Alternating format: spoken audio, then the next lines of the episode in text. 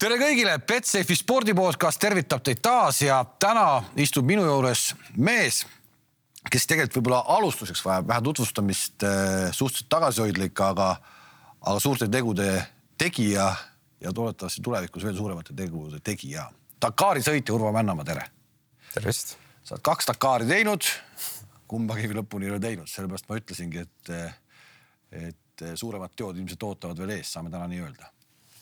loodame jah, selles mõttes, et eh, ma arvasin, et see läheb lihtsamalt, see asi, aga, aga nüüd on nagu jõudnud kohale ka, miks ta nagu nii suur ja keeruline ettevõtmine on, et see, see on nagu distantsilt on alati hea rääkida, et oh, mis ta siis on, noh, mine sõida autoga kaks nädalat ja ja, ja, ja ära, ära tee vigu ja, ja, ja kõik laabub, et aga noh, tegelikult seal on neid, neid muutuvaid osasid on ikkagi, on ikka väga palju, et ja see teebki selle ägedaks ju selles mõttes, me ei tegeleks selle asjaga, kui see oleks ju niimoodi, et lähen lihtsalt sõidan kaks nädalat ja tulen tagasi, et ega ükski vist eh, maratoni-jooksja ei tee seda või noh, nii-öelda vähemalt rahvasportlane ei tee seda sellepärast, et see on nii lihtne ja mõnus, et sa teed ikka sellepärast, et see on väljakutse, et, et eks siin on täpselt sama efekt. saame me täna nüüd praegu hetkel kohe saate alustuseks ära öelda, et vaatamata sellele, mis kahe aasta jooksul juhtunud on, eh, sa lähed Kristoga koos kolmandat korda ka peale ja ennem ei lõpeta, kui finiš on käes. saame selle välja öelda? Äh, no selles mõttes, et äh, ma ütleks nii, et äh, et kui see on nagu minu teha, siis kindlasti see katki ei jää, see meil see projekt, et me oleme juba nii palju siia ennast nagu nii-öelda panustanud sellesse, et praegu nagu loobuda tundub nagu, et see kõik eelnev on ka justkui maha visatud, et ma lihtsalt praegu kogun nagu mõtteid, et kuidas seda teha, et ja, ja võib-olla põhimõtteliselt küsimus on minu peas, et mis formaadis äh, ja, ja millal täpsemalt, et võib-olla järgmine aasta nagu lasta õhk korraks vahele. aga ma ei ole veel otsustanud seda, et selles mõttes, et see on, ma nagu seedin, et ei ole veel nii-öelda natuke veel liiga värske, et kuna meil see oma autosaaga on ka veel, pole veel lõpuni jõudnud, siis me praegu nii-öelda ootame, mis selle tulemus on ja siis saame edasi mõelda autosaaga, äh, selleks peab minema tagasi siis jaanuari keskpaika ja,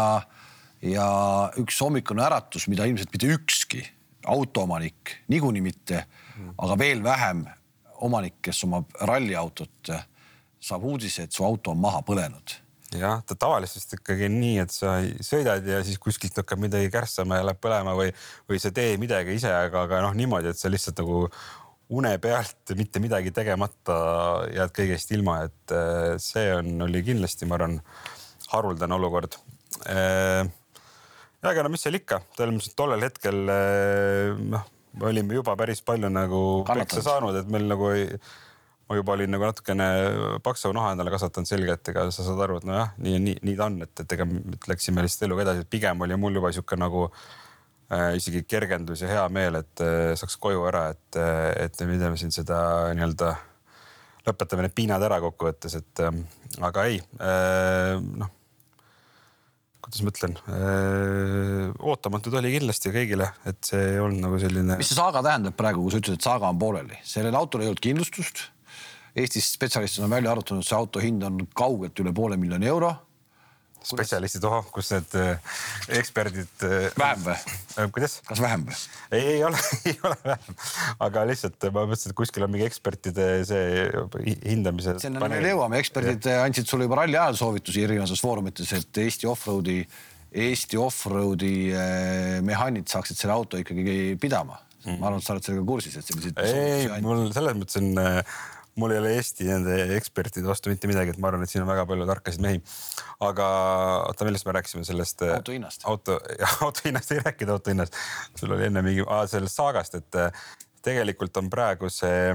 äh, ei see saaga on pigem rohkem sellega seotud, et me ei ole endiselt sada protsenti aru saanud, mis juhtus, et me oleme nagu analüüsinud siin erinevaid andmeid ja, ja asju ja kokkuvõttes, et et see natukene dikteerib äh, selle, et kuidas see asi meie jaoks lõpeb, et äh, jah, kindlustust ei olnud, äh, kahju suur. aga et nüüd et natukene on küsimus, et,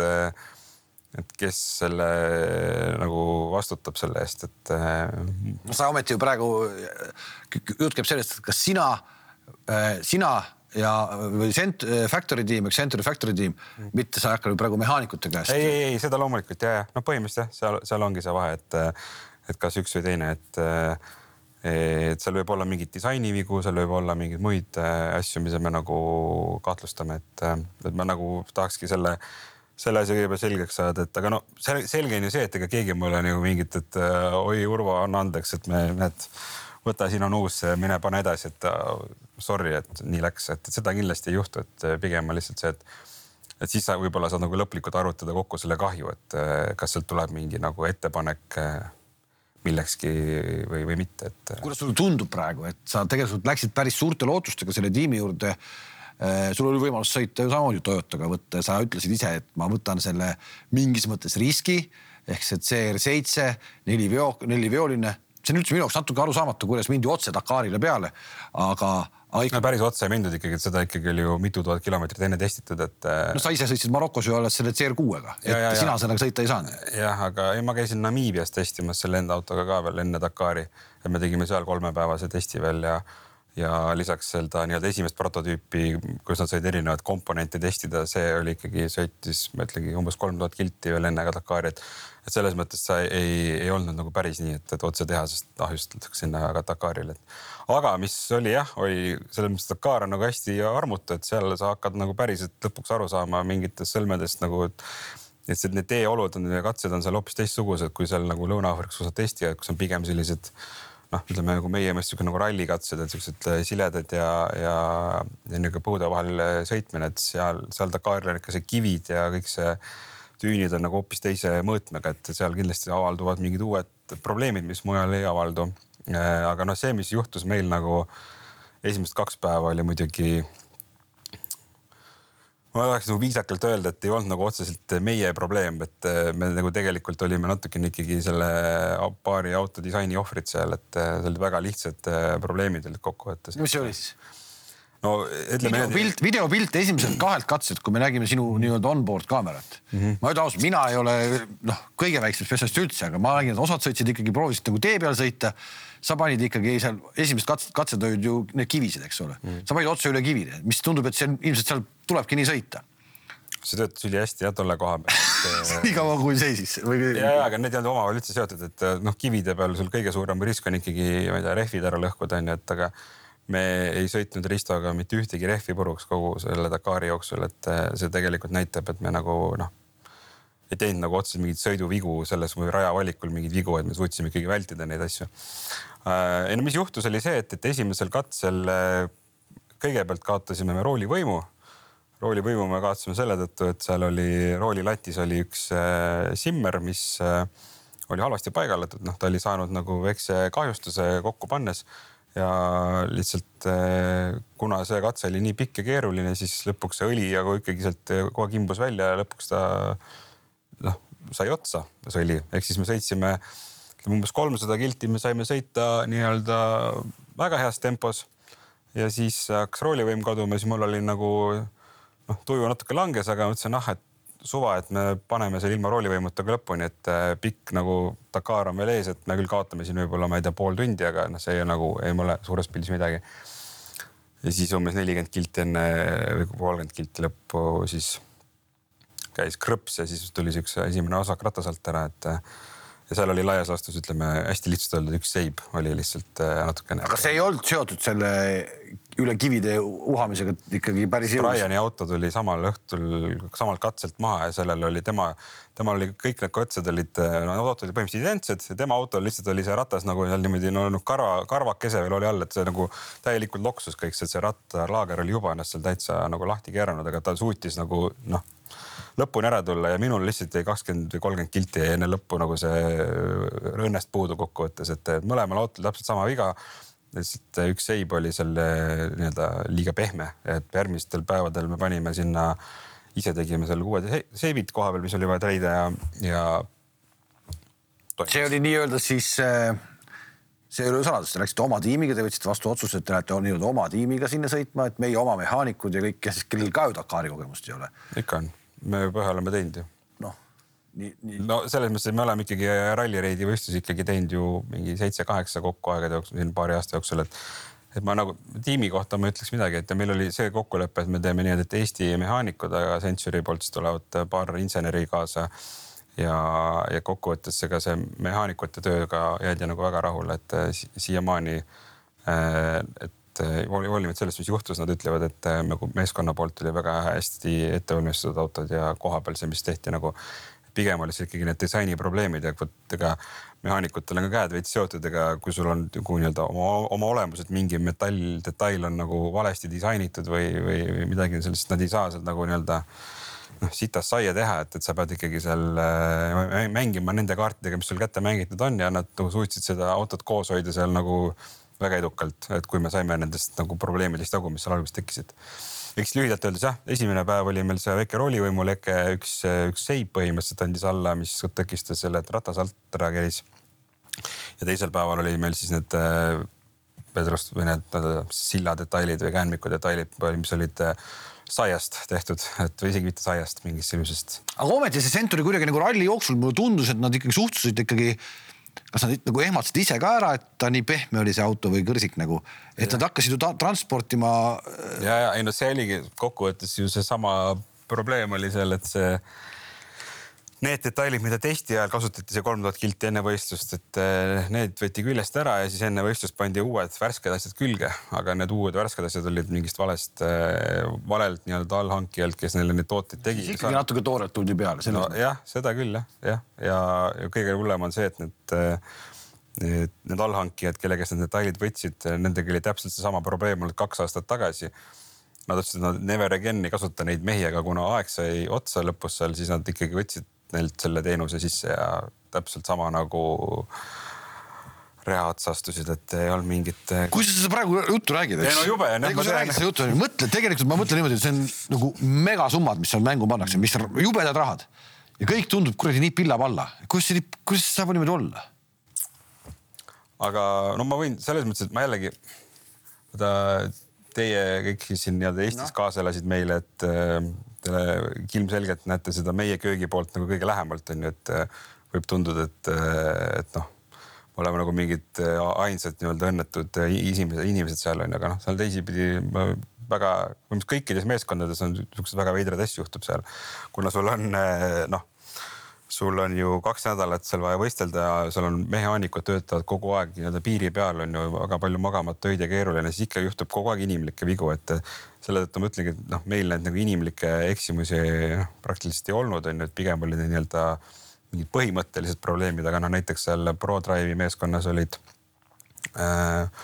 ProDrive on siis see, kus nii-öelda Sebastian ja. no ikka ässade sats. jah,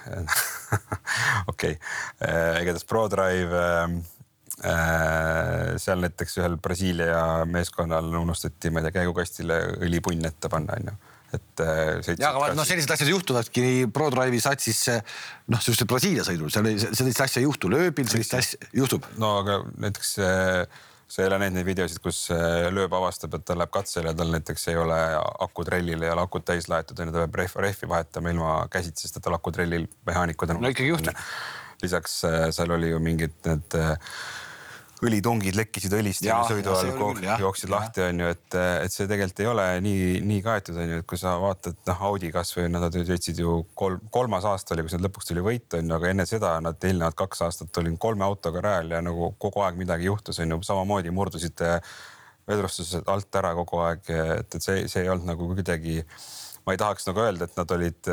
et see on nagu osa normaalsest nagu elust, sest Dakaril on, ongi nii raske, et sa, sa peadki nagu leppima nendega, et ja kui Toyotat ka vaatad, on ju, siis noh, tegelikult nagu Toyotasid on seal stardis mingi kakskümmend, on ju. kõige rohkem. aga neid Toyotasid, kellel nagu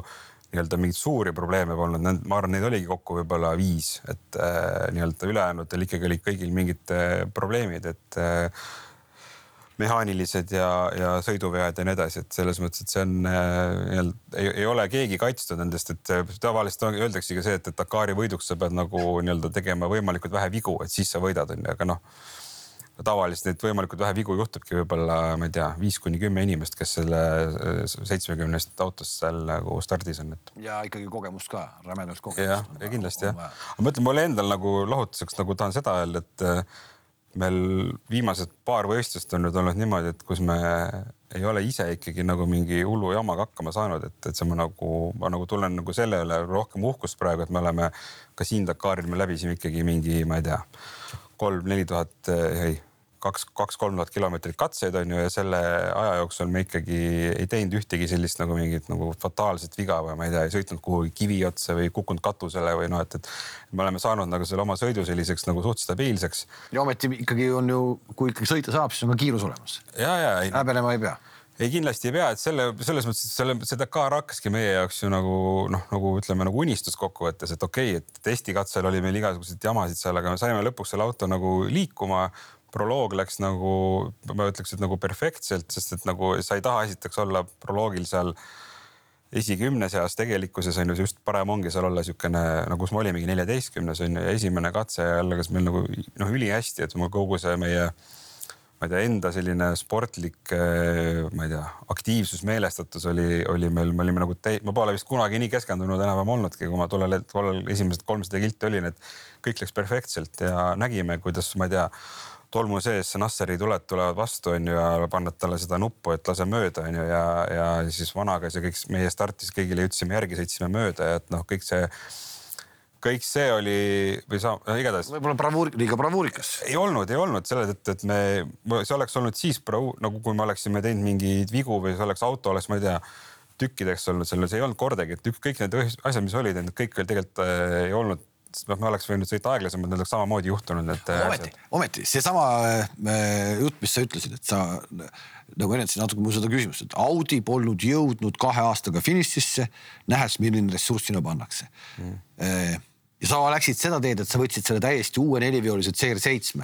et eh, no mis andis sulle üldse lootust, et sellega on võimalik tulla finišisse. no finiš on ju sinu jaoks ikkagi nii-öelda unistus. et mis sulle, kui sa, kui sa niimoodi oma peas kalkuleerid, et sul oli võimalus sõita Toyotaga ka, eks Toyota lagunes eelmine aasta laiali, see oli see vanaga see vanem auto on ju. Mm. et tegelikult oli sul võimalus Toyotaga ka sõita ju ja, jah, ei no ma oleks saanud ka nagu nii-öelda uuema Toyota ka selleks aastaks, ma oleks nagu, mul oli juba see kokkulepe nagu saavutatud, aga ma loobusin tallest, aga miks? Äh, no selle tõttu, et äh, tegelikult, kui me nüüd nagu täna näeme, siis see auto tegelikult on äh, väga hea ja kiire auto, et me Ristoga mõlemad, kui me sellega saime sõita, me tundsime, et noh, sellega võiks sõita küll, et see on, on, on nagu kokkuvõttes nagu kontseptsioonina väga õnnestunud. võtsin kindlasti riski, et võib juhtuda väikseid nüansse ma arvasin, et äh, kindlasti juhtub mingeid muresid, mis takistavad meil nii-öelda võitlemas sinna esikahekümne sisse, aga ma arvasin, et nagu me nii-öelda noh, lõpuni võiksime ikka tulla. ja see ei olnudki nagu tagantjärgi tarkus, see ei olnudki tegelikult nagu noh, a la Brian sõitis ju kõik katsed läbi ja lõpuni äh,. välja arvatud need kaks, kus ta lihtsalt ei startinud selle tõttu, et meil olid need metalliprobleemid seal on ju, see oli nagu turvakaalutlus rohkem, et me ei saa sellise niisugust autot peale panna, et, et tegelikkuses oli ju nagu võimalik nende autodega lõpuni sõita ja ka meie oleksime sõitnud need katsed ilusti lõpuni. ma arvan, kui ta ei oleks maha põlenud, et sest me lõpuks ju viimased paar päeva meil ei olnud nagu selliseid probleeme, et nagu, mis oleks takistanud meil nagu läbimast seda. et noh, jah aga samas sent, aga sent, see, noh. aga sul on väga õigustatud küsimus, et, et noh, et tundub justkui nagu nii-öelda, ma ei tea, ebaloogiline variant, et miks sa võtad nii suure riski, on ju, et noh Benedictas äh, vanakas samamoodi ütles mulle, et, äh, et äh, noh, kulla mees, et sa valisid ju kõige keerulisema nagu, viisi üldse, et nagu sul oleks võinud võtta ükskõik mis suvalise, mitte suvalise, aga noh, a la mine mingi meeskonna juurde, ütle, et ma tahan rentida ja võtavad sind tiiva alla see on nagu ilus jutt, aga tegelikkuses äh, seal ei ole väga, sinna ei võeta väga insentiivi alla, sest et esiteks need äh, suht juba ammu need kohad täis müüdud, neil need autosid, mille, mida sulle pakutakse, on, on seal noh, pigem siuksed keskpärased ja, ja lisaks mina ikkagi ei usu nende sellise suure, kui sa oled siukses suures kolhoosis äh, üks väike, üks väike sõitja. et, kui, et, et kes see sinuga seal nagu väga, täpselt, et ma nagu tunnen täna, et ikkagi Tom ja Robbie ja teised mehaanikud nagu neil on ikkagi, nad võtavad seda mingit nagu nende jaoks on nagu oma Dakar, et nemad tahavad nagu teha, et see tehnika kestaks ja. ja no oma meestega lõpuks sihuke asi ära teha on hoopis teine tunne kui ja, niimoodi, ma, ma kujutan endast täitsa ette. samas ega see Century ei ole ju mingi noh, naljasats, Serradori tuli ju selle CR6-ga tuli ju taga noh, nii-öelda kaheveolistega, siis tuli võitjaks. ja, ja ta oli, ta oli, ta oli, ta oli ju tegelikult äh, vist kaks kaks katset enne lõppu, ta oli vist topis viies juba isegi üldis nagu, et äh, selle. absoluudi kümnes äkki oligi või? no lõpus ja, aga ta oli enne, tal oli eelviimasel katsel oli suur, äh, pani kivisse sinnasamma, kuhu kõik lööb ja kõik panid seal, et äh, igatahes ta, kui ta oleks sinna, sinna kivisse pannud, nagu ikka klassikaline oleks, aga ta oleks olnud viiendal kohal kindlasti üldis, et selles mõttes väga-väga-väga vaata automeeskond, kõik on võimelised sõitma sinna esiviie sisse vähemalt. see auto oli nii-öelda ikkagi oma tule lihtsalt saanud juba aastaid. ja, ja see oli vana, vana, vana nii-öelda mudel jah. nii, aga miks sa seda vanat ei taha, miks, miks sa, või sa kaheveolisega ei taha üldse seda proovida? ma, ma olen ikka sõitnud kaheveolisega, aga see neliveolisega on lihtsalt nii palju mõnusam, et, et see nagu ei pea no,, nii vähem, nii palju vähem stressi on. et sa lihtsalt saad seal tüünides nagu natuke mõelda ja tagaveolisega on sihuke, see on jah see on niisugune nagu mootorrattaga veits sõitmine, et äh, sa pead olema seal kogu aeg nagu liikumises ja, ja see, sa ei saa nagu sealt kordagi pealt maha tulla, et, et äh, ma nüüd. korra hingad. korra hingan jah, et, et seal on see stress on nagu, aga no eks ma ütleme niimoodi, et pigem mugavuse küsimus, et saab kindlasti tagaveoga ka sõita, lihtsalt neliveoga on oluliselt lihtsam. miks üldse Dakar, sa oled kunagi öelnud, et, et äh, sa vist koolis juba olid kellelegi öelnud, õpetajale või kellelegi ma panen Dakari ja ma sõidan autoga Everesti otsa mismoodi see Everesti otsa sõitmine käib? ma ei tea, no see oli mingi, ma ei tea, kaheteistaastane poiss, et ma arvan, et see täpselt ei. kus kaheteistaastane poiss, sinu vanusene mees üldse Dakarist midagi teadis? no ma arvan, et ikka teavad, ma arvan, et sa isegi teadsid, äh, kui sa olid väike poiss, mis on äh, Dakar, et see on niisugune kuidagi. ma ei tea, ma nagu mõtleks seda niimoodi, et sa mõtled elus, et äh, kuna igasugune autosport on nagu hingelähedane, aga minu jaoks on nagu eriti olnud rohkem see nagu maastikul sõitmine ja selline rasked teeolud justkui nagu pinget pakkunud. ja noh, ega siis sul ei ole laias laastus nagu, mis on see kõige-kõige-kõigem asi saab nagu selles valdkonnas on, et ega nagu üle peale Dakari mulle nagu väga ei tule teisi ideid ja, ja no lisaks see ka ikkagi väike mingi nüanss, et eh, teha midagi seda, mida keegi teine ei ole teinud meil siin Eestis, et eh, noh, nii-öelda sellisel kujul, et eh, okei okay, eel,, eelmine aasta või nii-öelda käisid meil Triisa ja Meeru ka kaasas meiega ja nad on noh no ütleme, Kamassi-mehed ikkagi Tammeka ja Anu Põld ja, ja, ja, ja, ja, ja Piirsalu ja need ikka no tegid ka. ja, jah, jah, aga noh, see oli nii-öelda mingid paar generatsiooni tagasi juba, et, et, et nii-öelda ütleme viimase mõnegi paarikümne aasta jooksul ei ole keegi sinna ikkagi sattunud ja tahtsime nagu avada seda teekonda, et teistele eestlastele ka näidata, et see on nagu võimalik ja nagu tegelikult me hea meelega nagu aitaks ka teisi, kellel tuleb, ma saan pidevalt küsimusi inimeste käest, et aga siis kui hakkad neile rääkima, mis see kõik endast nagu kujutab, siis kõigil kuidagi see motivatsioon kaob ära, et noh, peamiselt on muidugi ikkagi see rahaline pool, mis on nagu kõigile nagu väga raske alla neelata aga no teine on ka see, et eh, sa pead õppima nii palju uusi nagu selliseid noh, kogu see legendi osa on keeruline, on ju kõik see meeskonna ettevalmistamine, mis, mis varuosad sul peavad olema, mis, mida, mis äh, nii-öelda. no põhimõtteliselt see oleks võinud olla sul seekord juba ju kolmas Dakar, et sa ju mm. hellitasid mõtteid, et sa lähed sõitma mitte eelmine aasta, aga üle-eelmine aasta juba. jah siis kuidagi lõi nagu kõhedaks ja, see Maroko. ja, ja oli jah, aga siis tegelikult ma nagu. aga mis see kõhedaks, mis see, mis see on siis, mis see, kui siin Marokos, mis see, mis see kõhedaks lööb siis? no meil ei läinud seal, seal oli samamoodi meil hunnik tehnilisi probleeme, et ja, ja seal selles, jah, ma ei teagi, mis ta tollel hetkel tundus nagu liiga suur hüpe, et me olime just sõitnud oma esimese sellise FIA võistluse seal Marokos. see oli nagu kõikide muude võistlustega võrreldes nagu ma ei tea, kolm korda raskem. ja siis sealt oli vaja, et okei okay,, et aga see on alles üks kolmandik Dakarist on ju, et või, või noh, veel vähem isegi, et, et noh, nüüd on vaja nagu kohe sinna minna, et siis mulle tundus, et, et veits liiga palju ühe korraga tagantjärgi tarkus on see, et see oli vale, et tegelikult Dakar ei olnud üldse nii kole kui see Maroko. et Maroko on juba ole, oma olemuselt ongi selline väga, ütleme niimoodi, et Dakari siuksed raskemad katsed on ka üks nagu sihuke Maroko võistlus, et, et, et see, on noh niisugune legendaarne võistlus, kus ongi nii-öelda midagi lihtsat seal ei ole kokkuvõttes. sest on lühem oma olemuselt. lühem jah, aga, aga see on niisugune rõve kivine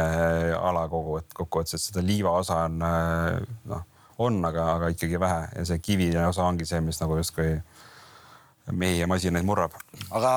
personaalselt sulle ikkagi Dakarist teeb Dakari see, mis jäi sellel aastal Dakaril nii-öelda alguse ja lõpu sinna keskele ehk need luit-, luited ja kogu see on ikkagi see Dakar? Ei, ei, ma ei tea, tundub, et nüüd nagu olles natukene sõitnud, tundub, et meile need kivid ikka vist meeldivad rohkem, et vähemalt sobivad, et mitte, et nad mulle meeldivad, et seal on ikkagi väga ebameeldiv sõita. aga tundub, et meil on kuidagi see mugavustsoon on meil natukene paremas kohas kui teistel meestel seal, et eh, kuidagi me liigume seal eh, võrreldes teistega nagu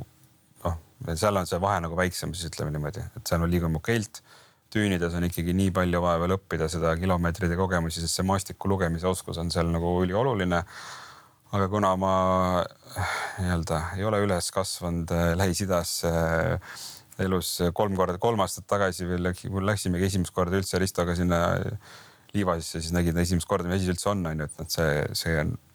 peab panema perspektiivi, kuidas. no seleta natuke seda maastiku lugemist, sest noh, palju räägivad sellest sõna maastiku lugemine, tüünide lugemine, kuidas sa loed seda siis, et kuidas see käib siis? no näiteks on see, et, et kustpoolt see nagu, sa näed selle nagu tüüni tipu pealt näiteks ära, et kumma, kustpoolt see nagu tuul on teda puhunud, et kummal, kummal pool on tal see nagu nii-öelda laugem pool ja kummal pool see, see murdu, murdumise koht on, onju, et siis sa pead nagu sellest aru saama, et kui sa nagu saad aru, et eh, siit on üldse teravam tipp ja teisel pool on laugem, et siis sa nagu julged nagu suurema hooga tulla, et siis sa tead, et sa nagu kohe kuskile auku ei kuku, onju. või siis näiteks, et sa sõidad nagu, kui sa lähed nendesse suurtesse mägedesse üles, siis sa lähed nagu üles nagu niimoodi nagu astmetena, et ta ei lähe niimoodi ühes sirges joones ülesse. aga need astmed reeglina noh, jällegi seal kannatab minna suurema hooga, sest reeglina need astmed seal ei ole sellised, et sa lähed üle nuki ja sul on kohe järsult onju, sa lähedki nagu rohkem nagu treppide peale.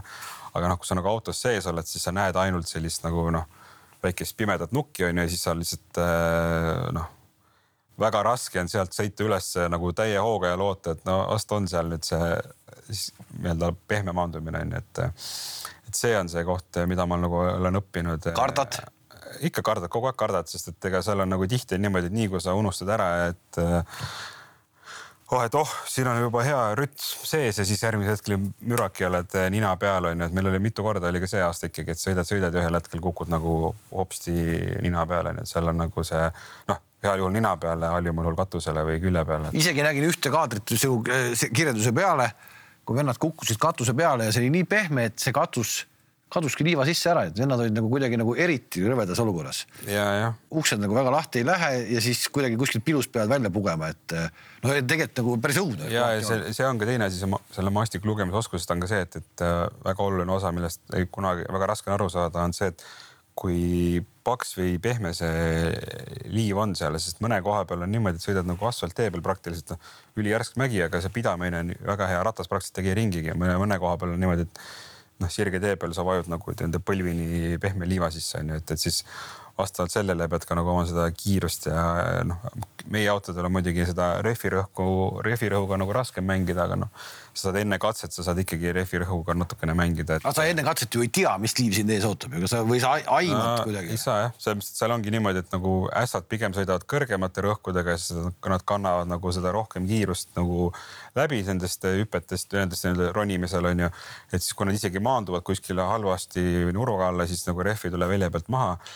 meie pigem võtsime selle strateegia, et läheme nagu madalama rõhuga, et me, sest noh, mida madalam rõhk, seda suurem kandepind rehvil ja seda lihtsam on sul nagu üles sõita nendest mägedest on ju, et siis sa saad nagu justkui aeglasemalt sõita ja turvalisemalt. veokamehed saavad nagu sõidu pealt, see mehaanik saab. tagaveo, tagaveolised saavad samamoodi äh, lasta autost. hoo pealt autost lasta jah, teie ei saa? meie ei saa jah, see ongi neliveoliste nagu see nii-öelda handicap võrreldes tagaveolistega. Et see tagaveolised mehed näiteks sõidavad niimoodi, et neil on null kuus baari on ta tüünides tagarehvis rõhk, et nagu täiesti sihuke nagu balloon. kotlett. jah, ja et nendega, nendega kannatab sõita jah, et aga noh, no meie. mis see teil oli? no meie sõitsime mingi üks, kaks, üks, kolm niimoodi, et see oli ka suht madal tegelikult, et seal kui me õhtul rääkisime teiste meestega, siis noh, sõitsid üks seitse niimoodi, et äh, eelmine aasta ka, kui ma Toyotaga olin, siis ma küsisin selle Toyota äh, nii-öelda bossi käest või, või kes see nii-öelda Sean Mark seal on Overdrive'is, et ähm, tema ütles, et ei, et üks seitse miinimum, et äh, muidu sõidad välja pealt maha, noh, ma ei tea, see aasta me sõitsime üks, kaks, üks, kolm. ei sõitnud välja pealt maha, noh, et, et see on sihuke, kõik sõltub jälle sõidu. null kuuega üldse sõita saab. ei no sa sõidadki ainult tüünidesse, see on sihuke, nii kui sa nagu sealt ikkagi välja saad, siis sa lased nagu õhu üles-tagasi jälle, et seal on nagu, ta on niimoodi, et sa sõidad selles tüünides ja siis seal vahepeal on, kutsutakse šottideks, et see on siuksed nagu lagedad äh, alad, siuksed kiired ja et seal sa põhimõtteliselt sõidad siis a la maksimumkiirusega, kiired lõigud siis seal peab olema justkui rõhu üles lööma, et seal kurvis kus.... Sorry, väga hull küsimus, kas sina autost vahepeal, kui sa sõidu pealt automaatselt ei tohi mängida rõhkudega mm aga niimoodi, kui sa jääd katse peal, kui sa tuled sealt tüünidest läbi mingisuguse kotletiga põhimõtteliselt mm, -hmm. jätad katse peal seisma ja siis korrigeerid nii-öelda. siis võid jah. sa võid teha nii? ei, see on aja kaotamine. on nii palju aja kaotust või? no on ikka, et sa, sa ütleme niimoodi, et me, meil on nagu neliveoliste autodel on see rohkem niimoodi, et kui sa ikkagi mingil põhjusel nagu totaalselt kinni kuhugi jääd, siis sa põhimõtteliselt oled juba niikuinii autost välja, hakkad oma teedega mässama seal ja siis sa põhimõtteliselt lased nagu rehvid maha tühjaks, et sa saad nagu liikuma normaalselt. et äh, vanasti oli jah vist niimoodi, et äh, ikkagi kui olid need, kui neliveolised autod olid nende väikeste ratastega, mis oli enne seda, ma ei tea, kolm aastat tagasi, kuna see oli, kuna see periood oli mm. -hmm et siis, siis nad tehtigi nii jah, et ikkagi autod ka enne tüüne lasid rehve maha ja siis tegid oma jupi ära ja siis panid jälle täis aga nüüd enam seda ei tehta, et see on nii-öelda hädaolukorras sa põhimõtteliselt lased rehvid tühjaks, et kui on ikkagi jama. tulles tagasi selle juurde ka, siis meie Century auto seitsme juurde, siis seal oli selline huvitav äh, nüanss veel sellel autol, mille me avastasime ka lahinguolukorras loomulikult, et äh, tal neli vedu töötab ainult edasi, edaspidi sõites nagu, sest et tal on niimoodi tehtud, et kui sa. see oot-oot, see on Namiibias ja Marokos, seda ei avastanud või? Äh, ei no ma teadsin selles mõttes küll seda jah, aga sa nagu kuidagi ei, ei registreeri seda nagu ära, et jah, sihuke asi on. siis kui sa lähed, äh, oled seal kõige suuremas mingis tüünis, mõtled, et oh, et siit nukist üles ei läinud, et ma nüüd tagurdan tagasi ja võtan uue hoo siis saad aru, et opa, et see nagu väga tagasi ka ei taha minna, et see tahab ikka nagu rohkem edasi minna. siis tal jääb vedama. siis tal ainult tagarattad veavad nagu, tal on niimoodi. tagasi veab siis tagant. tal on niimoodi, et kui sa nagu pidurdad äh, või lased gaasi maha, siis tal see esitihvri nagu ühendab lahti nagu, et see justkui aitab nagu nii-öelda alajuhitavuse ja muude asjade vastu ja lisaks sellele, et kui sa kuskilt, ma ei tea, hüppad või maandud nina peale, et siis ta nagu nii-öelda vähendab sellele esitihvrile nii-öelda neid noh, lööke. lööke jah mm. -hmm. aga, aga noh, downside on siis see, et sa kokkuvõttes oled nii-öelda pool, pool neliveduline, et ainult ühtepidi on nelivedu, ehk siis. aga kui me selle nüansi nagu selgeks saime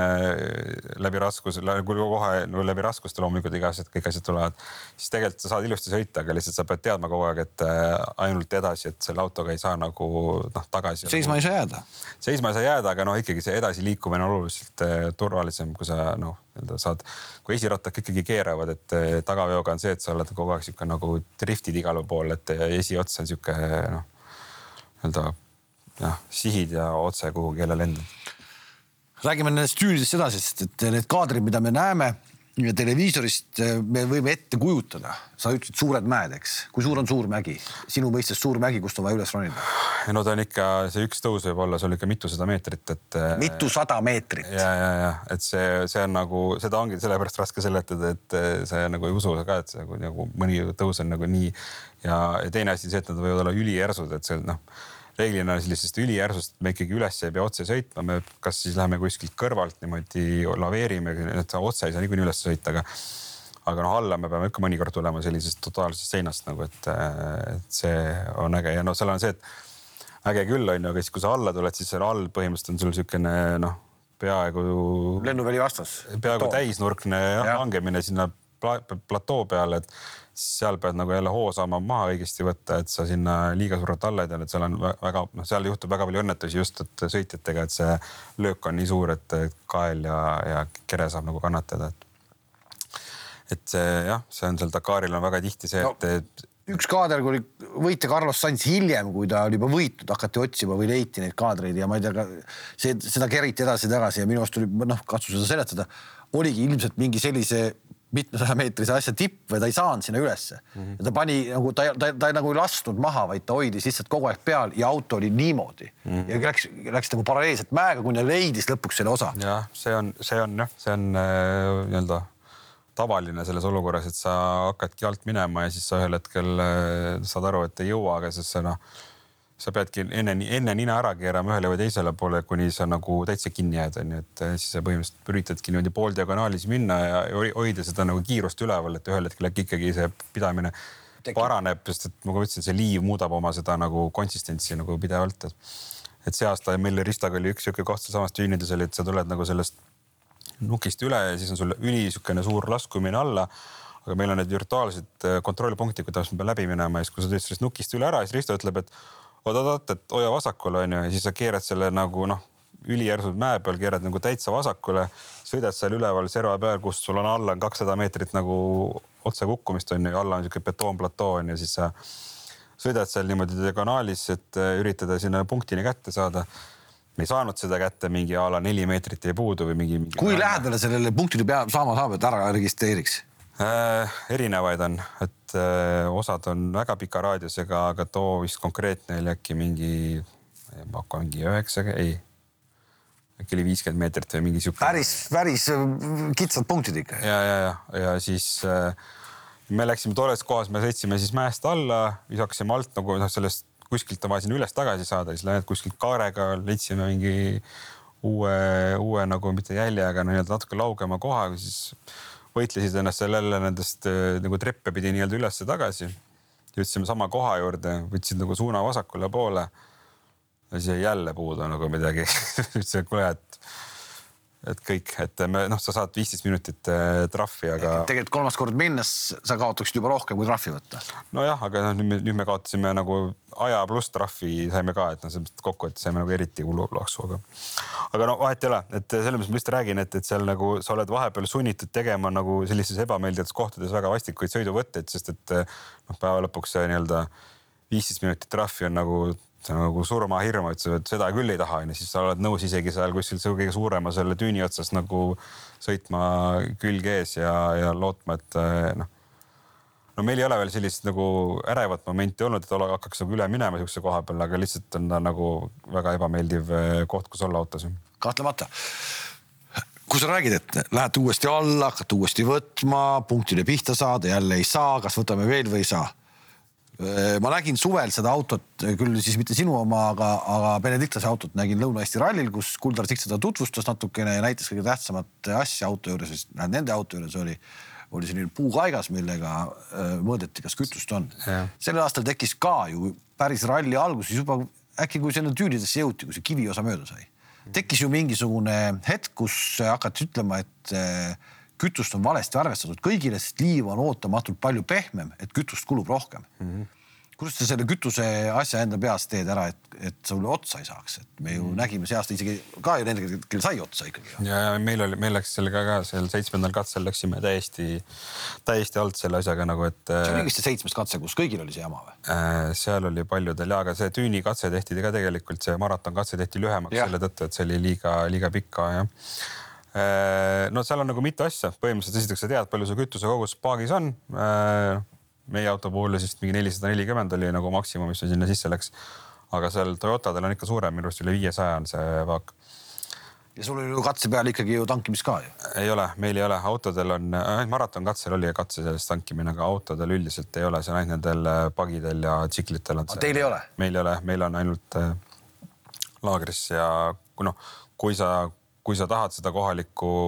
tanklas kuskil teha, mingit lisa peale panna, siis see nagu võimalus on, see pole keelatud otseselt.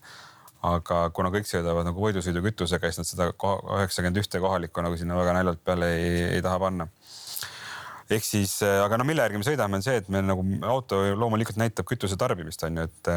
noh, me teame, et kui me sõidame sellises nagu raskes liivas nii-öelda või, või nii-öelda hästi nii-öelda põhjagaasiga igal pool, siis meil niisugune keskmine kütusekulu on niisugune liiter kilomeeter.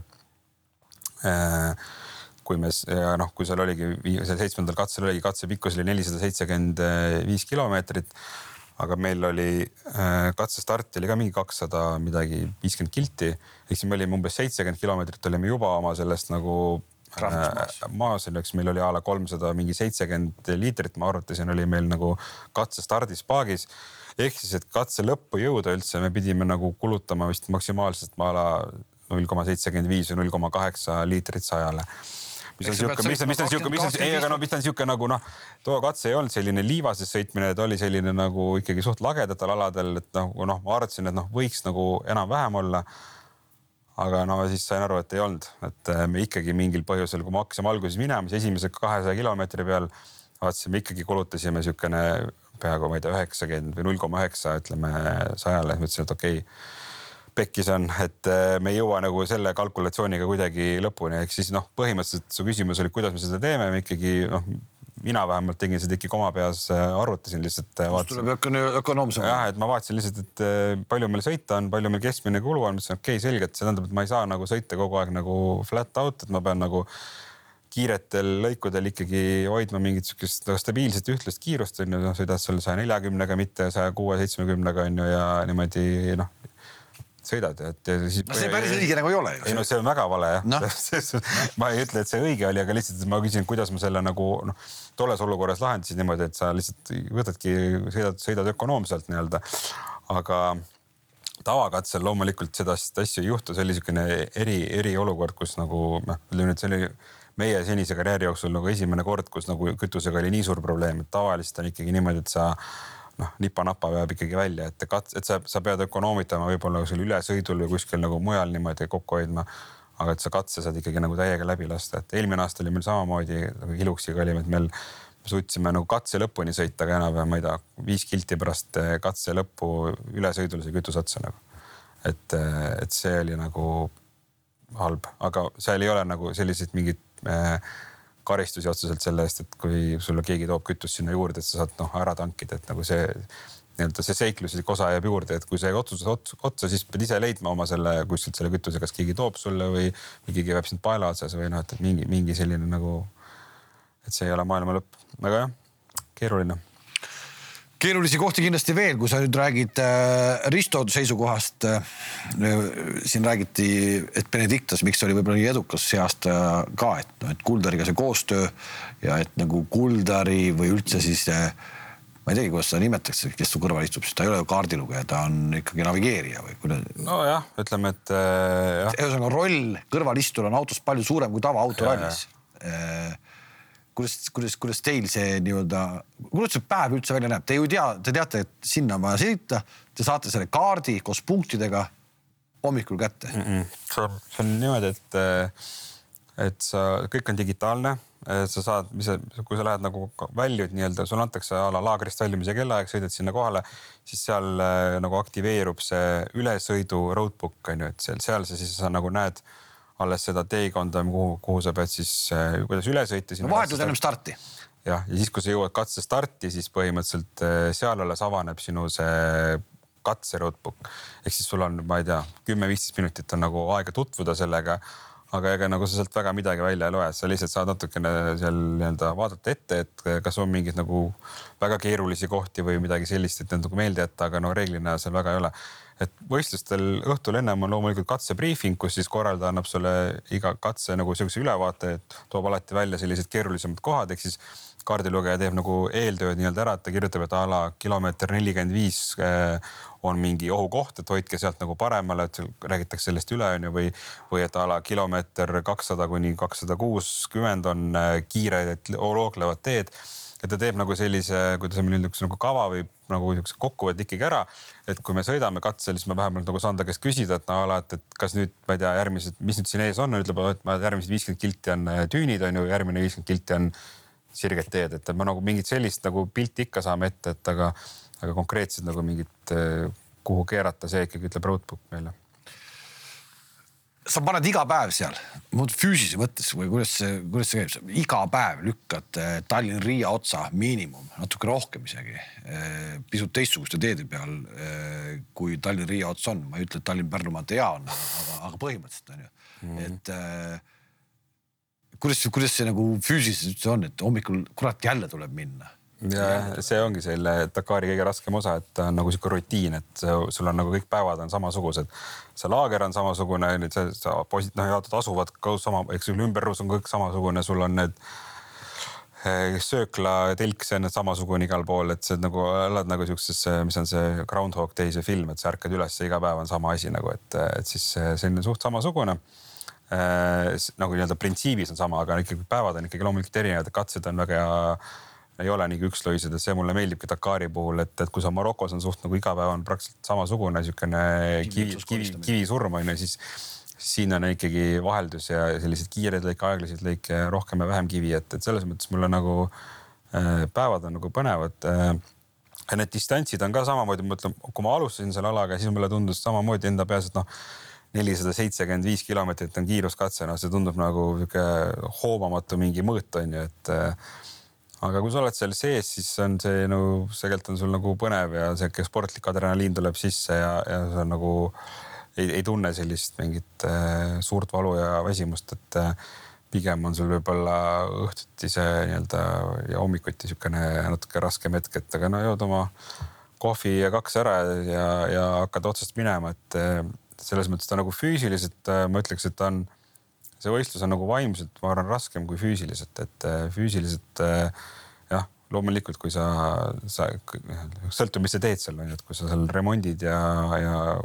lükkad ja tõukad seda autot kogu aeg päevad läbi, siis on see kindlasti raske, aga nii-öelda. aga ikkagi, aga, aga elamistingimused, sina, ütleme sina ja siis kuuekümne ühe aastane Carlos Sainz, jätame selle, jätame selle, ma nägin ühte seda eh, Nassari videot, siis tema maja oli küll päris uhke, mis kaasas sõitis, aga ikkagi jätame selle maratonkatse laiali, kus nad öösel kõik magavad võrdselt telgis on ju, see on üks öö mm. -hmm. aga muidu ikkagi need nii-öelda olmetingimused sinul ja Carlos Sainzil näiteks kuuekümne ühe aastasel mehel ma ei ole tema telgis maganud, aga ma arvan, et eh, ma, ma arvan, et ei, ma ei tea, varasemalt ikkagi oli nii, et enamus nagu ikkagi ässadel nii-öelda on eh, tavaline selline kämper, valge, nagu meil siin kõigil on, et, et sellises nad elavad seal, et eh, reeglina nad elavad seal kahekesi, mitte üksi, et koos kaardilugejaga elavad selles noh, ühes kämperis kahekesi. ei saa midagi muud väga palju luksuslikumat tekitada. noh, jah, no ma ütlengi, seal on mingid nii-öelda šeigid, kes võib-olla ajavad sinna mingi veoauto kohale, aga aga, aga noh, see, see on ikkagi, ütleme reeglina niisugune Dakari mõistes nagu niisugune maksimum on ikkagi kämper, millega siis, aga ütleme ja miinimum on telk, et ütleme, et neid telkijaid on ka tegelikult väga palju, et see, see ei ole nagu selline noh, ütleme, et ma, minul see isiklikult sellel Dakaril kõige parem uni ja öö oligi see maratonikatse telgiöö, et mul Ristoga kõigil oli sama asi, et kell üheksa õhtul läksid sinna telki, sest noh, nii pime oli seal juba kella viiest alates, et midagi polnud teha ja siis kell üheksal läksid tilki ja põhimõtteliselt jäid sinna tähtede alla magama täis vaikuses, et tava, tavaöö, tavaööl. kogemust oli ka sul. jah, seda küll jah, aga tavaööl on äh, noh, sul on ikka sihuke mingi tärin ja plärin ja kolin, et isegi kui sa oled, kas sellesama, noh, meie elame Haagises, et me oleme, ehitasime oma selle siukse Haagise ringi, mis on, kus tegime ka sinna voodid sisse noh, ma arvan, et nagu väga palju kehvem ei ole kui mingi kämper, sest meil on samamoodi igal, noh, me oleme kolmekesi küll selles oma kämperis on ju, et meil on nii-öelda meedia, meedia ja autojuht Kaarel ka kaasas onju, aga, aga ikkagi me oleme seal oma kämperis ja selles Haagises ja meil on seal oma külmkapp ja konditsioneer ja, ja küte ja selles mõttes, et nagu nii-öelda on okei okay., ma arvan, et tingimused on meil niisugused keskmised, et kindlasti on kellelgi uhkemaid, aga no,. aga, aga me ei pea nagu selle tõttu, ma arvan, kurtma, et, et et Carlos Sainz kuidagi paremini magas või tal oli parem, et kindlasti. No, äkki, äkki tood mingid ässadele tehakse ikkagi nagu. no mis neil on, on kindlasti, neil on äh, füsioterapeudid, et kes ikkagi neil kere saab ikka korralikult vatti seal, et äh, väga tihti on ka ikkagi katkestajad olnud need, kellel on lihtsalt mees on murdunud, mitte, mitte auto, et sealt sa ikkagi saad seal päris palju korra, korra klobada või klobida, et äh, füsioterapeudid on küll kaasas jah, samal Serratoril näiteks meie kõrval, et see iga õhtu ikkagi teda seal silitati, et äh, meie, me läksime maratonkatse, mitte maratonkatse, see on see rest day on vahepeal, siis me läksime sinna ühte hotelli ööbima, mõtlesime, et tahame ka nagu nii-öelda valge inimese kombe läksime sinna Radissoni hotelli seal Riadis toa ja siis mõtlesime, et hotellis oli massöör ka, et lähme ikkagi sinna massööri juurde, et noh, et spordipoisid, et äkki tuleb kasuks aga see oli üks kõige jubedamaid massööre, mis ma elus olen näinud, et siukene igatahes üks, üks noormees silitas sind õliga lihtsalt äh, tund aega, et. Äh, õigesse kohta läksid või? igatahes äh, see, see tulime Risto, ma ütlesin Ristole, käisin ära, ütlesin, et kuule, et see kõige parem massaaž ei olnud ja siis me ütlesime ära, et ei olnud tõesti. igatahes see oli naljakas lugu jah, kuidas me saime massaažiga ka tünga seal, et see ka ei õnnestunud jääme korra selle Audi võidu juurde ka, ma tahtsin juba ennem rääkida, kui sa ütlesid, et kuidas tehakse kütusega nagu seal nii-öelda arvutate välja, kuidas see Audi siis oma elektriga seda välja arvutab? vasta lollile, mismoodi nemad seda teevad? ega nad on ju, sõidavad ikkagi bensu peal. no just, et räägime nagu selle ikka tegelikult lahti, et kütus on ju autos olemas. ja Audi on ikkagi ju samamoodi vist mingi kolmsada, nelisada liitrit on neil paak peal, mis meilgi umbes, et nad kulutavad umbes noh, neil on nagu see bensukulu on põhimõtteliselt sama nagu meil katsel, et selle koha pealt ei ole vahet, lihtsalt see, et see rattad käivad elektri pealt ringi tegelikult natuke selles mõttes nagu. ja siis, kui sa lähed. nonsense jutt me ei nagu et.... ja, laagris on siis äh, siuksed äh, kaks suurt veoauto suurust diiselgeneraatorit, mis siis nagu toidavad neid laevatakusid, et äh, ei no jah, aga teisipidi ma nagu ei, ma saan aru jah, et, et see nii-öelda lihtsustatult öeldes muidugi nii-öelda paras nagu nali on ju, mis elektriautos on, on ju tegelikult sõidab ikkagi bensu pealt, aga teisipidi ma arvan, et see nende eesmärk ei olegi see võib-olla, et pigem nad üritavad seda nii-öelda natukene muuta seda mõttemaailma, kuidas võiks üldse autosid ehitada ja kuidas. kõige, kõige, no tehnika areneb. selles mõttes, et ma nagu arengu mõttes on nad ikkagi kindlasti näidanud nagu teed, et kuidas võiks asju teistmoodi teha ja, ja elektri ja õppisid kindlasti väga palju selle protsessi käigus, ma ei ütle midagi nagu valesti, aga jah, et, et see nii-öelda päris nii, nii elektriline see pilt ei ole seal, kui, kui päriselt. kui päris elektrilist pilti vaadata, siis eh, minu arust need äh, tulevikuklass või kuidas me nimetame seda, tuhat, mis see oli yeah. ja seal olid äh, paar tsiklit, mis nägid hästi koledad välja oma disainid mm, noh täitsa nagu koledad olid kohe mm -hmm. nagu puuhobused. ja vot nende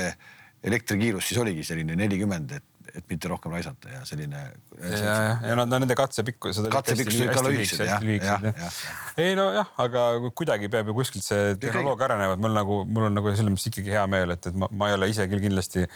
nagu seda meelt, et äh, peaasi, et nagu paugub ja plärtsub äh, ja ma ka noh, ma olen muidugi seda meelt, et need katsed võiksid ikkagi jääda nagu selleks nelisada pluss kiltideks, et, et, et kui meil tulevik on siukene sajakildised, siis ta on nagu ralli lihtsalt, et. ei ole enam päris Dakar. ei ole jah. nüüd on kaks korda proovitud, kolmas kord äh, nagu sa ütlesid saate alguses, õhku jätad võib-olla vahel, võib-olla järgmine aasta kohe ei lähe, kuigi mulle tundub, et vist ilmselt ikkagi lähed. kas sa, nüüd meil jäi ikkagi natuke pooleli see kas suusad läksid nüüd selle Factory tiimiga täiesti risti? vaidlete nüüd ikkagi kõvasti, kes oli süüdi, et auto põlema läks või on kuskil mingi kompromissi koht ka äh,? ei noh, alati kompromissi koht, et ja no isegi no, nagu ma ütlesin, et päeva lõpuks vahet ei ole,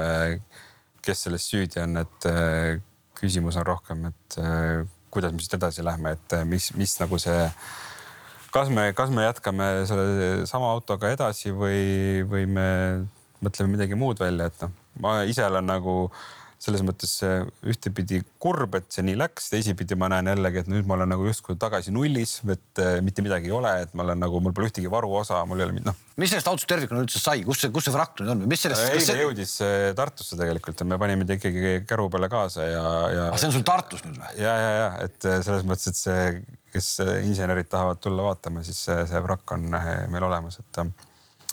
teagi, äkki peaks Arno Sillatile helistama, äkki tahavad kuskile lae alla riputada, et. Kui sa Momusse selle suudaksid anda, ma arvan, et see oleks ülikõva. Arno oleks väga rahul sellega. ma ei tea, ma ei tea, aga mis ta noh, ta haiseb jubedalt, et seda peab vist lakkima. lakiga üle tegema. jah, et see, see nii, nii rõvedalt haiseb praegu, aga aga jah, me võtsime ta kaasa sellepärast, et seal esiteks seal hakkab tolliga läheb keeruliseks, kuna see on nagu riiki sisse imporditud see auto ja siis sa pead selle välja ikkagi kuidagi viima või see igatahes oli juba nagu protseduuriliselt oli keerulisem teda sinna jätta, kuna meil haagis oli niikuinii tühi, siis võtsime ta kaasa. saame nüüd siin natukene studeerida mootorisse, vaadata, mis seal nagu paistab. paistab sealt midagi üldse? vaatame, et ma, ma ausalt öeldes ma olen ise sama põnevil, ma ei oska, ma loodan, et sealt midagi paistab, aga, aga kui ei paista, siis ei paista, et ühesõnaga, aga miks sa kogu aeg ütled, et mis autoga minna, kas sa tahad muuta klassi, kas sa tahad, pagide peale ei lähe või ikkagi, kui siis ikkagi ainult autod? ei jah, ma, kui siis ainult autod, sest et ma ikkagi, kuigi need pagid on väga lahedad, need arenevad väga kiiresti, siis äh, see on nagu niimoodi, et kui sa nagu korra oled ikkagi seda nagu head asja saanud tunda, siis ma kardan, et seda nagu nii raske tagasi minna, et, ma parem nagu ütlen, et ma jätan võib-olla aasta või kaks enne vahele ja lähen tagasi auto peale, kui, kui, kui vist hakkaks seda pagi asja nagu tegema, et, et see, et see, ma arvan, on, on nagu, et siis mulle see emotsioon võib-olla pärast on, pole päris see, mis ma nagu ootasin sellelt asjalt. vahele sa jätad, kui sa jätad vahele ainult sellepärast, et panna nii-öelda uus mingi vägev asi kokku, et mitte võtta mingit suvalist nii-öelda rendiautot ja mingi renditiimi, et see ikkagi nagu hambad ristis ära teha. et kui sa tahad teha, siis tahad teha nagu vägevalt mul mingi niisugune mõte on jah, et ma teen niisama kuidagi ära, ära, ärategemise mõttes, et aga ei no ma tean, et mul on juba tehtud ettepanekuid eh, rendi osas, et eh, sest. kellele ei tehtaks? et no tule umbes, et mis sa seal ikka ise pusid, et tule, tule teeme ära selle asja, et ma saan sellest aru ja, ja väga paljud nii-öelda väga rallisõitjad, kes on, kellel on kogemusi, ütlevad jälle, mida sa üldse Urvo pusid, et mine rendi ja tee see asi ära ja unustad ära ja saad vabal ajal keskenduda oma nagu nii-öelda, ma ei tea, muudele asjadele on ju, et, et see ei ole nagu sinu nii-öelda sinu igapäevane töö, millega sa pead tegelema, on ju, et see meeskonna ja kõige selle kamma ajaga tegelemine, et aga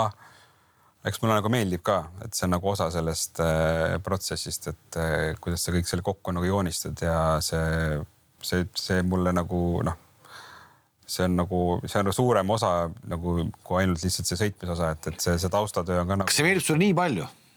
kui me vaatame neid legende, keda näidatakse meile, kes sõidavad seal kaheksakümne viiendast aastast juba tänase päevani ja, ja. uskumatud mehed et.... on ju mm., tegelikult on täitsa pöörased vennad ju mm.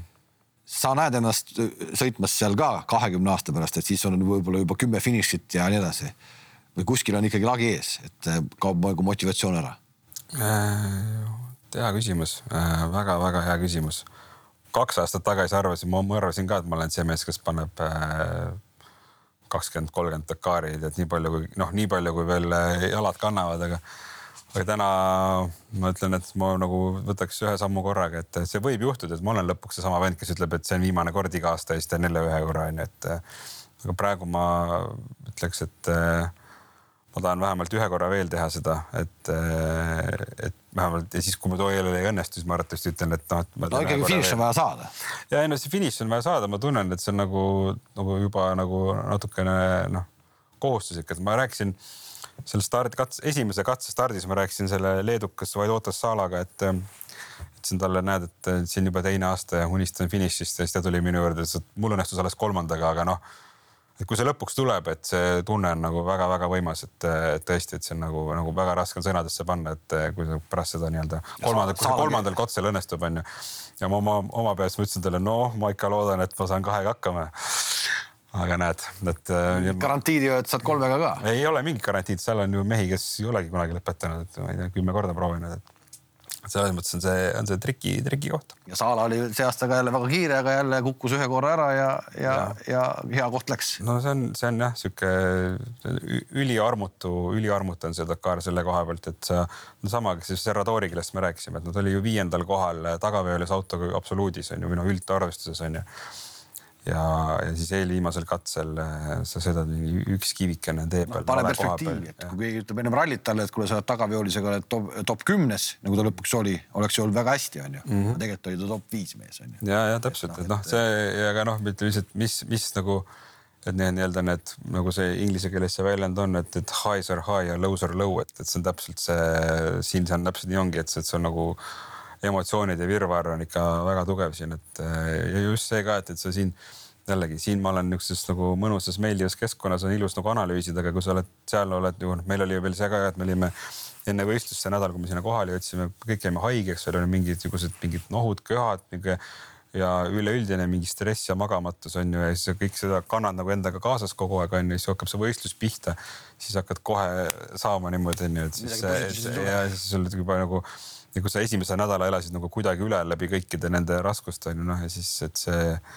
nii-öelda, et sellepärast ma ütlesingi, et see, et see vaimne osa on tegelikult nagu väga raske, et äh, ma ise tunnen, et nagu järgmiseks Dakariks ma peaks nagu noh, sellega on nagu vaja nagu veel rohkem tööd teha, et, et kuidagi nagu. ei no mida sul veel teha on, sa oled nagu kahe aasta jooksul nagu vaimselt on sind lastud läbi sellise toru. Mm.. no mida veel, no mida veel, sul on, sa oled, sa oled kõrbes ööbinud, sa oled kuradi äh,, autod on maha põlenud, sa noh, sa noh, ühesõnaga kõik, mis juhtuda saab, justkui on juba juhtunud ju, et no enam sind ei üllata enam mitte miski. Seda küll jah, seda küll. Äh, ma ise ka tahan öelda, et äkki see on kuidagi tugevamaks teinud meid, et äh, oskame nagu need mul on mitu võistlejat on tulnud minu juurde öelnud, et äh, Urvo, et ülihea, et sul on nagu kõik need põhiasjad on nüüd tehtud, vaata, et sul on nagu helikopteriga oled saad lennata ja kõike teinud seal, et, et nüüd on nagu noh, nüüd, nüüd saad hakata sõitma nagu, et aga noh, ma ise arvan seda, et mis siis järgmisena etapina juhtub, on see, et, et hakkad ise vigu tegema, et praegu on nagu see, et kuidagi me oleme nii alalhoidlikuks juba muutunud, et, et, et võtame rahulikult, et näed, tahaks nüüd juba siit läbi saada, onju, et siis ühel hetkel tekib mingi siukene jälle, et spordi, ja spordi instinkt tuleb sisse, hakkad seal nagu lammutama ja siis on, tulevad uued probleemid, et noh, ma arvan, et need on nagu, see on pidev selline mäng, et noh, samas kui räägime sellest Benedictasest on ju noh, et kaheteistkümnendal korral õnnestus top kümnesse sõita, et noh see näitabki seda, et, et see on meeletu energiaressurss, mis on sinna kaheteistkümne aasta jooksul pandud, et eh, sellesse kohta jõuda, et. Eh. kirjelda mulle natukene, miks see asi on Leedus nii populaarne, kui ta on. Leedukad oli praktiliselt igas klassis,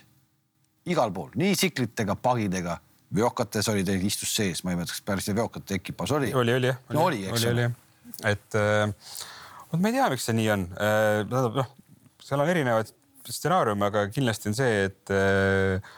eesotsas näiteks Benedictesega, nad on seda meediatrummi hästi kõvasti tagunud. Nad oskavad seda nagu inimesi kaasata, sellele hästi palju tähelepanu pöörata. ja,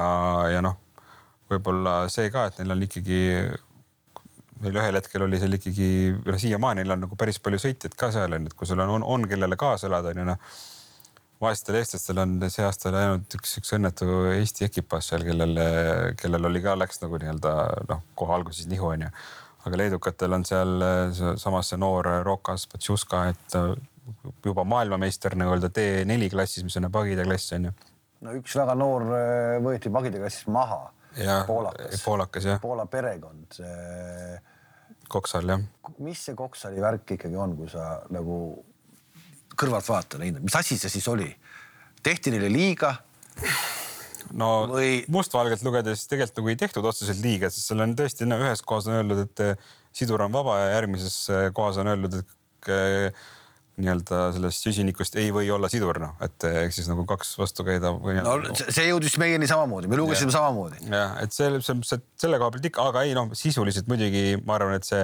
tal auto kiirem selle tõttu nagu ei olnud, et võib-olla noh see vahe oli nii meeletu tal tegelikult juba vahele sisse sõidetud. see selles mõttes, et ega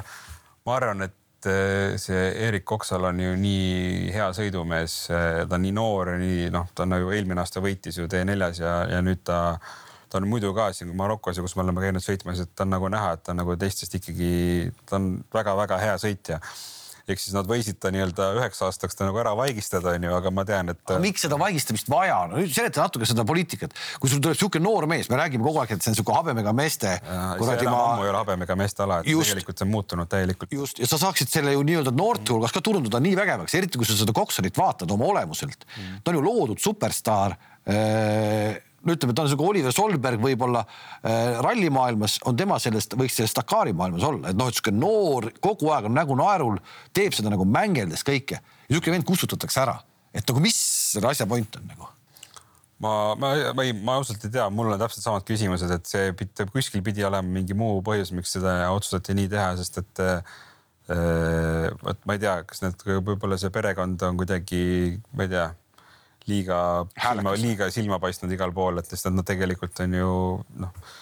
mitte ainult tema ei ole, aga ta sõidab ju oma isa ja onuga Onu,, et kõik nad sõidavad seal nagu väga-väga hästi, onju, et mingil, kas oligi äkki, ma ei tea ei praegu siis, kui see juhtus, oli ju nii, et oli neli, neli, kolm, neljast kolm olid nemad. et ma ei mäleta, kumb, kas isa või onu oli neljas, keegi oli seal kolmas ja niimoodi. et selles mõttes nad on väga-väga-väga-väga kõvad sõitjad jah.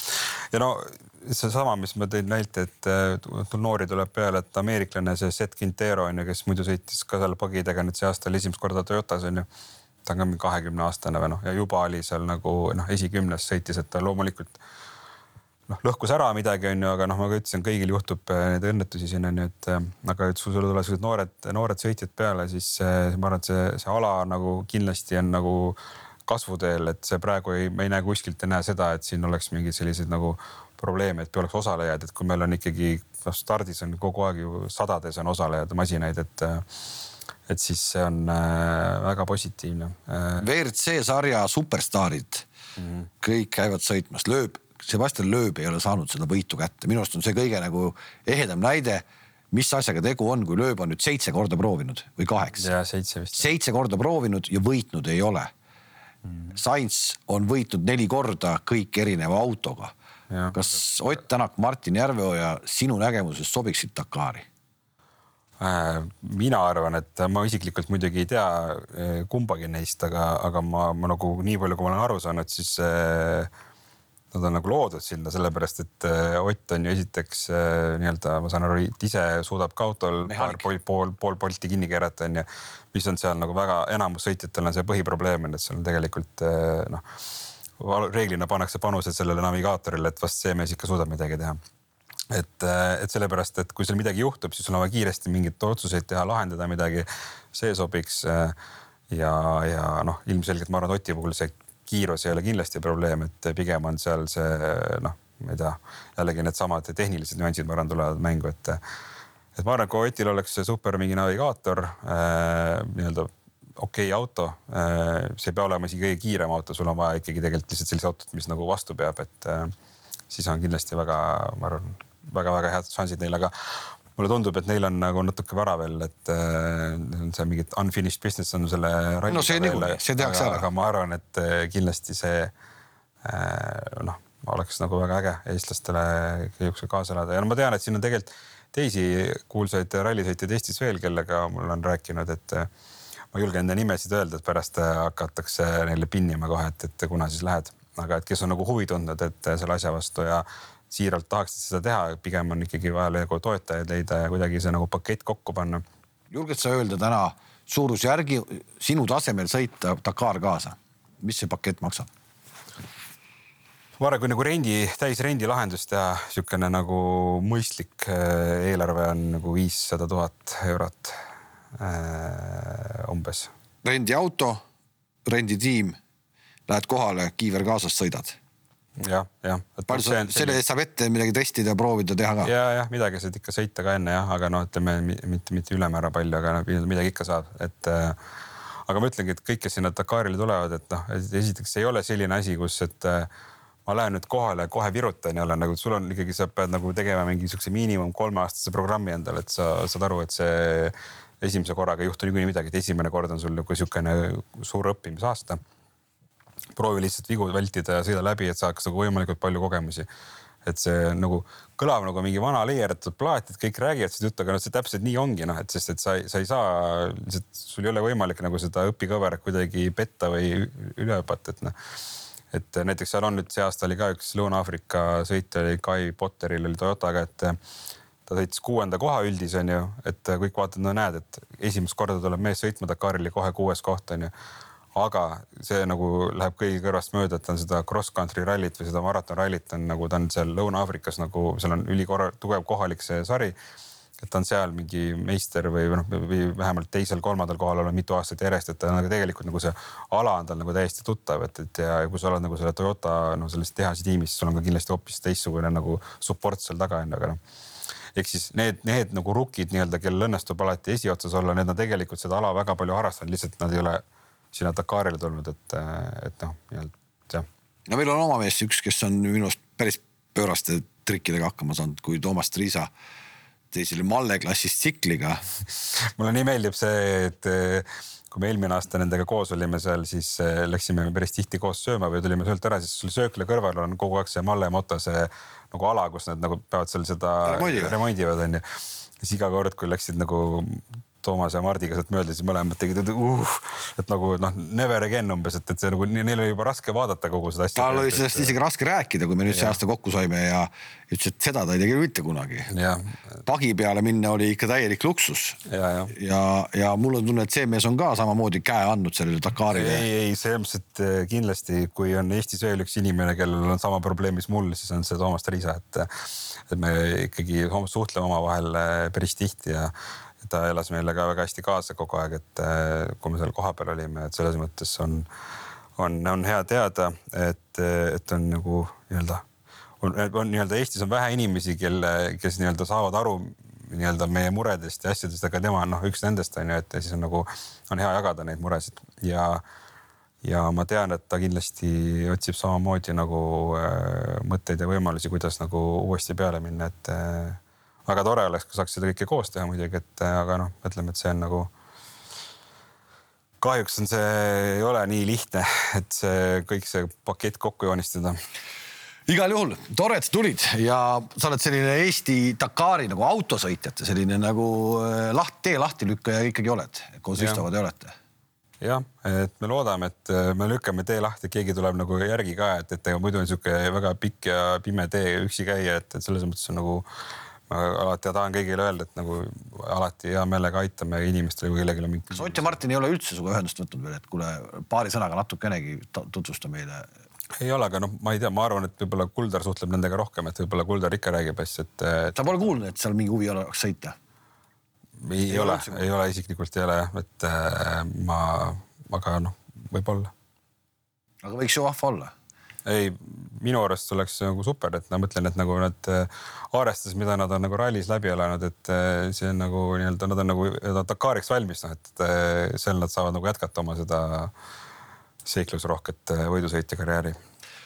räägi natukene sina, kui seal sees olija ja meie nüüd, kes seda Dakari võib-olla telepildis proovisime näidata see aasta üldse esimest korda. ja kordan veel kord üle, hästi keeruline protsess tervikuna kõik see oli ja, ja võiks palju ägedamalt nagu välja näha. Kuidas see nagu köögipool seal on, sina meedia suhtluses, eh, mida sa võid, mida sa ei või? Eh, kui kallis see kõik on, ütleme, kui sa võtad endale seal mingisuguseid asju. Noh, kokkuvõttes, mis Dakariga on, kõik on kallis, et äh, see on nagu see, kui Eestis hakkad äh, korraldama pulma, siis äh, kõik asjad on nagu pulmaga seoses on alati kallimad, siis on Dakar on samamoodi, et sul on noh, no ala näiteks lihtsalt selle, lihtsalt ainuüksi see, et, et sa saaksid oma autost näidata seda või et sa võiksid autosse üldse selle siis pardakaamera panna, siis see vist mingi viis tuhat eurot on see luba nagu nii-öelda korraldajalt. luba? luba lihtsalt. sellega antakse kaamera kaasa ka või ei anta? ei, ei, ei, kus sa sellega, et see on su enda lõbu ikka et. Äh, aga mida, mida nad sellega varjavad ja miks nad ei taha lubada seda? no nad justkui tunnevad, et see nii-öelda see digitaalsed ja meediaõigused, mis on seoses selle võistlusega, on kuidagi nagu nende, nende omad ja seda nad nagu kaitsevad, et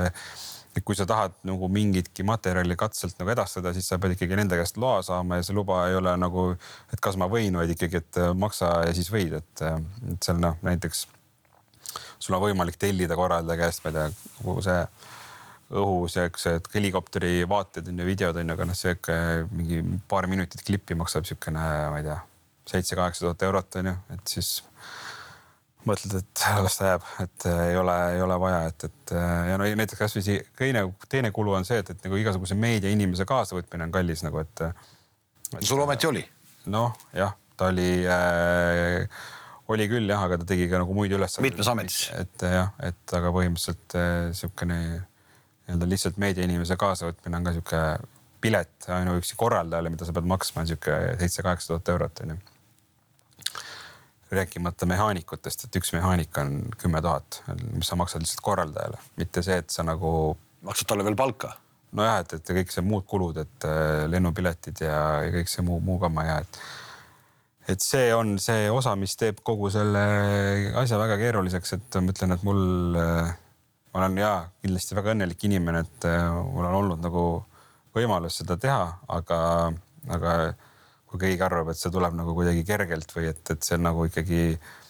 noh, nii-öelda raskelt välja teenitud äh, raha, mida sa pead nagu mingitele. lihtsalt nagu tundub, et niisama ära andma. no tundub jah, aga eks äh, nad on midagi ilusat ka üles ehitanud, on ju, et see on nagu see Dakari kuulsus on niisugune asi, mis nagu ükskõik kuhu sa lähed, nagu kõik saavad aru, millest sa räägid, et, et sa ei pea väga pikalt nagu seletama, et aga noh. Dakar Saudi Araabiasse püsima jäämine või liikuda tagasi sinna juurte juurde või sobib see sinna Saudi Araabiasse, see Dakar?